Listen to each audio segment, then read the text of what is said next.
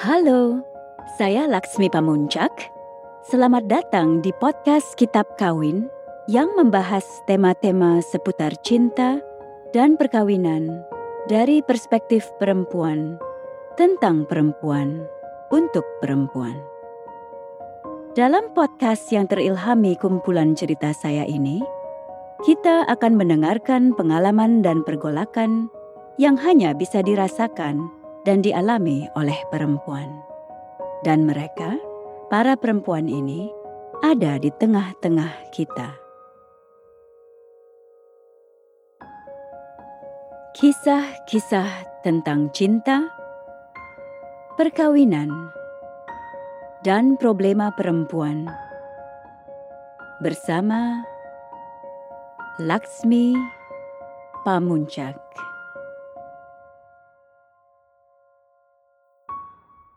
Keponakannya yang paling tua ini memang tak hangat atau memikat.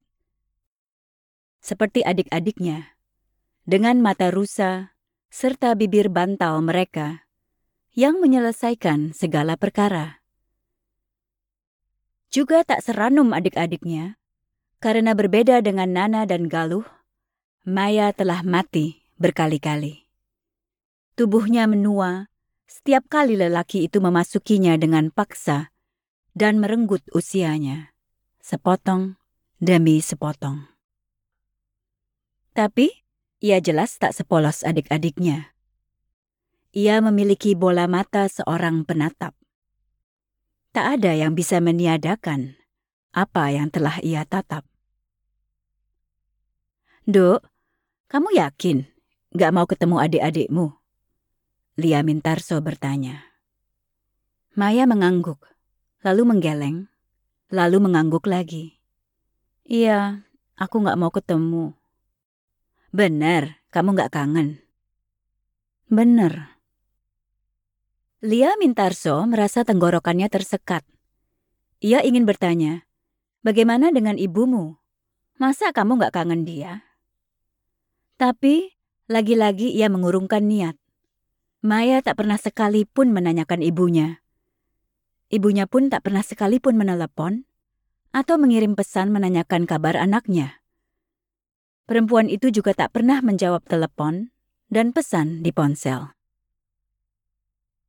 Tak lama setelah menitipkan Maya pada Lia Mintarso, sang kakak betul-betul raib, hengkang dari rumah gelap itu, membawa adik-adik Maya yang belum nista.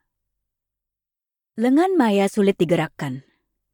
Mungkin benar kata-kata seorang kawan yang suaminya pernah masuk penjara. Tubuh begitu cepat menyesuaikan diri dengan ruang. Tak perlu dibelenggu untuk menjadi kaku. Lia Mintarso teringat bagaimana si bangsat Sigit Toha pernah berkali-kali merayunya, mengajak tidur segala. Juga ketika Maya tengah beranjak remaja. Waktu itu, sering terbersit di benaknya untuk mengadukan Sigit pada suaminya atau pada kakaknya sekalian. Tapi ia memilih bungkam. Ngapain merusak rumah tangga orang, pikirnya. Rumah tangga kakakku pula. Masalahku sendiri juga sudah bejibun. Air matanya tiba-tiba mengalir. Dan kembali mengalir malam itu. Ketika Hadi Mintarso menandaskan, begitu saja, bahwa si Sigit keparat mungkin sekali bisa melenggang keluar penjara setelah tujuh tahun. Loh, bukannya keputusan pengadilan sepuluh tahun, tukas istrinya, terperangah. Itu pun masih terlalu ringan, gumamnya. Iya, tapi prakteknya kan selalu berbeda. Apalagi denda hukumannya tak seberapa. Emangnya kita bicara berapa duit? 60 jutaan. Cuma segitu? Iya. Enak banget tuh bajingan. Baru-baru ini ada perempuan didenda 500 juta dan dipenjara cuma gara-gara merekam koleganya lagi bikin pengakuan bahwa dia berbuat mesum sama perempuan lain. Padahal si kolega itu sudah beristri. Oh iya, aku juga pernah lihat di TV. 500 juta, Pak, di penjara pula. Hmm. Perempuan ini sudah berumur loh, Pak. Punya anak, keluarga. Di mana letak keadilannya? Aku cuma takut aja, Bu, kalau ada yang bayarin dendanya, si Sigit daya tawarnya jadi semakin tinggi. Tuh kan, Bapak nggak dengerin. Begitu soal perempuan, seolah nggak penting. Tapi kita kan lagi ngomongin Sigit, Bu. Oke, jadi maksud Bapak, Sigit akan lebih gampang suap sana-sini supaya dibebaskan dari penjara. Ya iyalah, Bu. Jadi apa gunanya keputusan hukum? Halah, seperti tidak tahu saja, Bu. Namanya juga Indonesia. Apa pun bisa, asalkan punya duit atau koneksi. Lalu Hadi Mintarso menjelaskan bahwa kakak angkat Sigit Toha kebetulan seorang hakim yang cukup berpengaruh di lingkungan pengadilan negeri. Bukan itu saja, Sigit juga punya kenalan preman di penjara. Dia punya sepasukan anak angkat yang tak hanya suka menghabisi para napi musuh, tapi juga siap mengawal para napi kawan yang butuh dilindungi. Apalagi kalau ada yang membayari. Jadi jangan heran, Bu, kalau sebentar lagi, begitu kasus ini sudah dilupakan orang, si tai ayam itu bisa keluar masuk tahanan seenak udelnya, kata Hadi Bintarso. Dan dia bisa kembali menyakiti semua perempuan dalam orbitnya. Lia Mintarso merasa asam lambungnya naik. Pak, kita nggak bisa nampung anak itu sumur hidup. Dia butuh perawatan, butuh ngobrol, butuh keluar dari kamar itu. Dia bisa mati di sana. Salah-salah malah kita yang masuk penjara karena tak mengurusnya dengan baik. Lia Mintarso sadar, ia memberi kesan mau cari aman sendiri. Tapi ia sudah terbiasa dengan pertimbangan-pertimbangan seperti ini. Istri kedua selalu harus satu dua langkah di depan semua orang di kehidupan sang suami. Sebab ia bukan pilihan pertama. Matanya membasah. Tapi ia juga sadar ada hal lain yang lebih penting ketimbang menjaga citra. Dan hal itu tak bisa diperjuangkan tanpa tahu caranya menyiasati hukum. Ia merasa begitu bodoh. Baru saja ia mulai paham ada yang namanya KUHP dan Undang-Undang Perlindungan Anak, serta jalin kelindan di antara keduanya. Tapi toh nyatanya sama-sama tak ada yang memiliki kekuatan yang cukup untuk menghukum para pemerkosa seberat-beratnya. Suatu hari, apa pun hukum yang menjerat mereka, para pemerkosa itu akan kembali hidup di tengah masyarakat. Sementara mereka yang telah rusak, terluka, dan terhina tetap tak punya hak bicara, apalagi menentukan sendiri bagaimana mereka akan menata ulang kehidupan masing-masing. Mereka tak akan pernah bebas dari rasa takut, dari masa lalu yang kembali merongrong yang telah direnggut tak bisa dikembalikan. Pemerkosa tetap pemerkosa. Yang diperkosa tetap yang diperkosa.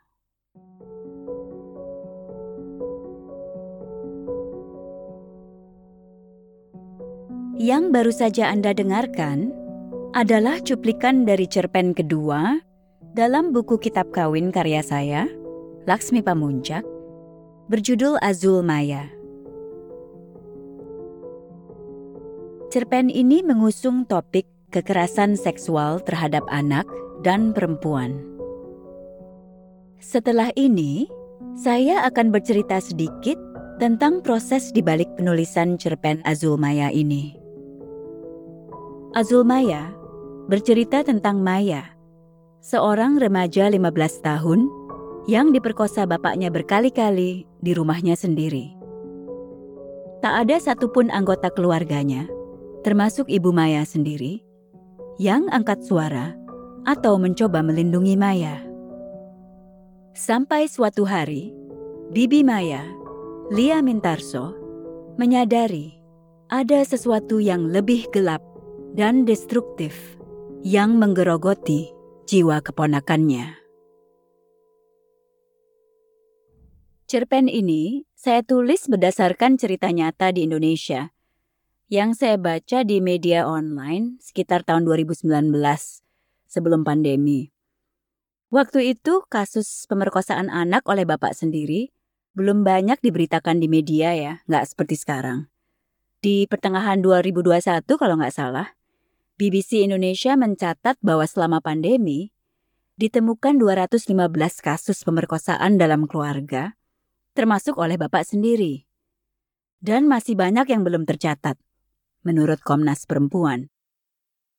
Mungkin pemberitaan ini sedikit banyak membuka jalan bagi cerita-cerita yang sama untuk muncul ke permukaan dan membantu memberdayakan korban maupun keluarga korban untuk speak up. Baru-baru ini misalnya, ada kasus yang ramai dibicarakan di media. Seorang bapak di Sleman dibekuk polisi karena ketahuan telah memperkosa dua anak kandungnya selama delapan tahun. Bayangin delapan tahun di rumah mereka sendiri selama istrinya bekerja.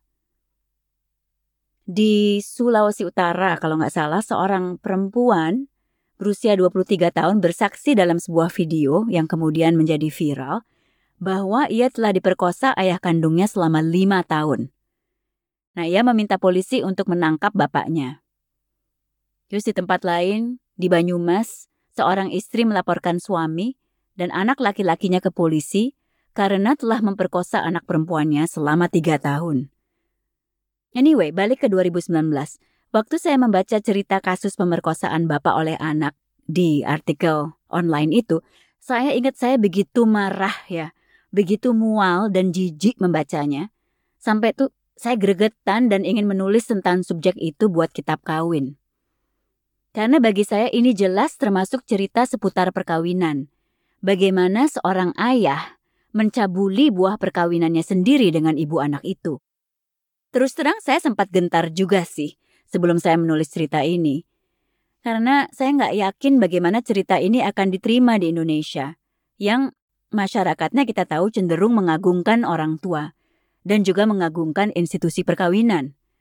Orang pada umumnya nggak mau percaya bahwa sesuatu yang begitu bejat bisa terjadi dalam lingkungan keluarga. Orang nggak sudi percaya bahwa seorang bapak bisa melakukan hal yang begitu jahat terhadap anaknya sendiri. Cerita ini tentunya tak gampang dicerna, apalagi diterima. Tapi lalu saya teringat dan entah kenapa merasa terberdayakan oleh sebuah novel berjudul The End of Alice, karya salah satu novelis Amerika favorit saya, A.M. Holmes.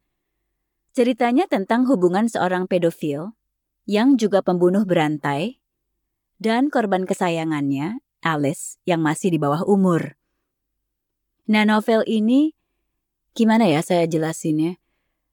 Novel ini brutal menusuk. Bahasa dan deskripsi tentang kekejaman, kebengisan, dan sakit jiwanya si pemerkosa dan pembunuh anak kecil ini begitu menyeramkan, begitu grafik. Kita sampai merasa sakit, tertusuk-tusuk, dan tersiksa membacanya. Novel ini sempat kontroversial di Amerika. Ada yang menganggapnya bejat, bahkan topiknya pun bejat. Banyak kritikus dan pembaca yang bilang, bisa-bisanya seorang penulis, apalagi penulis perempuan, menulis tentang subjek seperti itu. Dia pun pasti bejat. Tapi juga ada yang memuji dan mengagumi bagaimana sang penulis si A.M. Holmes ini bisa masuk ke dalam jiwa dan pikiran laki-laki itu. Dan juga sekalian ke dalam psike sang anak. Yang entah bagaimana, seperti banyak orang yang disakiti dan disiksa berkali-kali, malah menjadi setengah mencintai penyiksanya, dan kadang malah menantang sang penyiksanya untuk menyiksanya secara seksual dengan lebih gila lagi. Apalagi si anak baru mulai puber, baru mulai penasaran tentang tubuh dan seksualitasnya. Anak ini ingin menggali seberapa jauh dia dan tubuhnya sanggup menerima siksaan. Dan seberapa jauh siksaan itu masih menjadi bagian dari kenikmatannya. Tapi tentu saja pada suatu titik, unsur-unsur kenikmatan dan keingintahuan itu berubah menjadi rasa sakit yang luar biasa dan tak tertanggungkan. Nah, waktu teringat novel ini, saya jadi berani menulis cerpen Azulmaya.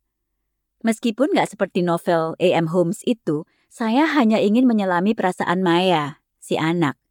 Bagaimana rasanya dicabuli oleh laki-laki yang paling ia cintai, bapaknya sendiri, yang seharusnya melindunginya. yang ia ingin mencintainya kembali tapi ternyata mencabulinya terus-menerus. Apa yang harus ia bayangkan si Maya ini yang usianya baru 15 tahun selama menanggungkan derita itu semua?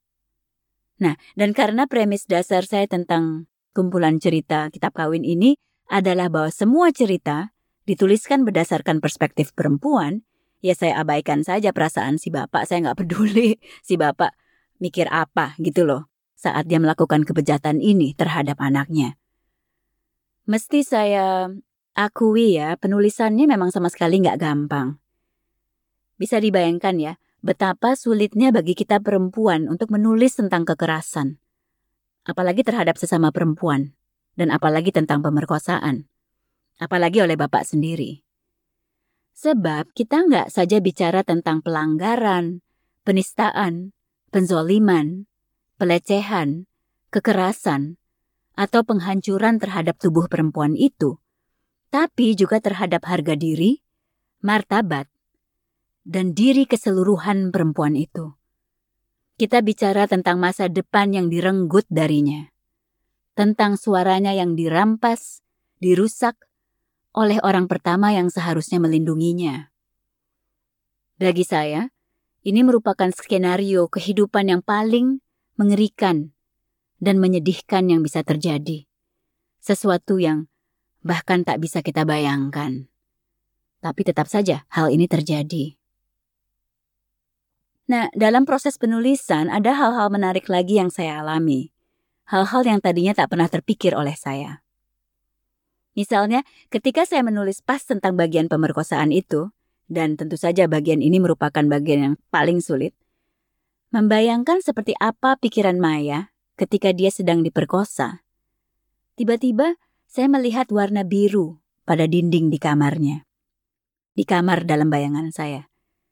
Saya melihatnya seolah saya Maya yang harus memfokuskan pandangan atau pikiran ke sesuatu yang lain atau ke sebuah objek di ruangan atau ke sebuah memori yang menyenangkan, agar saya bisa menanggungkan sakit selama tubuh terus didera. Saya bayangkan biru itu bisa menyejukkan hati, atau meneduhkan, atau sedikit melipur rasa sakit. Dan biru itu entah kenapa jadi obsesi saya. Waktu itu kebetulan saya masih menggarap Fall Baby atau Kekasih Musim Gugur, novel saya yang ketiga, yang tokoh utamanya Siri sangat visual dan cenderung melihat dunia, termasuk orang-orang di dalamnya, sebagai semesta warna yang berbeda-beda. Jadilah saya menulis kitab kawin dengan kesadaran yang sama. Dan kali ini si warna biru adalah pemandunya. Di akhir penulisan, saya menemukan warna khusus bernama azul maya, pigmen biru cerah yang unik yang diproduksi oleh suku Maya, kebetulan suku Maya dan suku Aztec pada masa Mesoamerika pra-Kolombia. Jadi saya rasa ini paslah untuk jadi judul. Karena nama tokoh utamanya kebetulan Maya. Maka jadilah judul itu. Azul Maya. Nah itulah teman-teman, sedikit mengenai proses penulisan cerpen ini. Minggu depan, dalam episode Incest, kekerasan seksual terhadap anak bagian 2, saya ingin mengajak teman-teman pendengar berkenalan dengan narasumber-narasumber saya.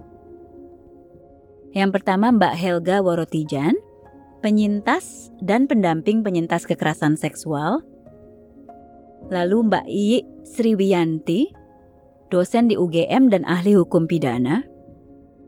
Dan yang terakhir Mas Boim Nur Hashim, aktivis pemberdayaan perempuan di Rifka Anissa Women's Crisis Center, dan yang dalam penuturannya sendiri, seorang laki-laki feminis.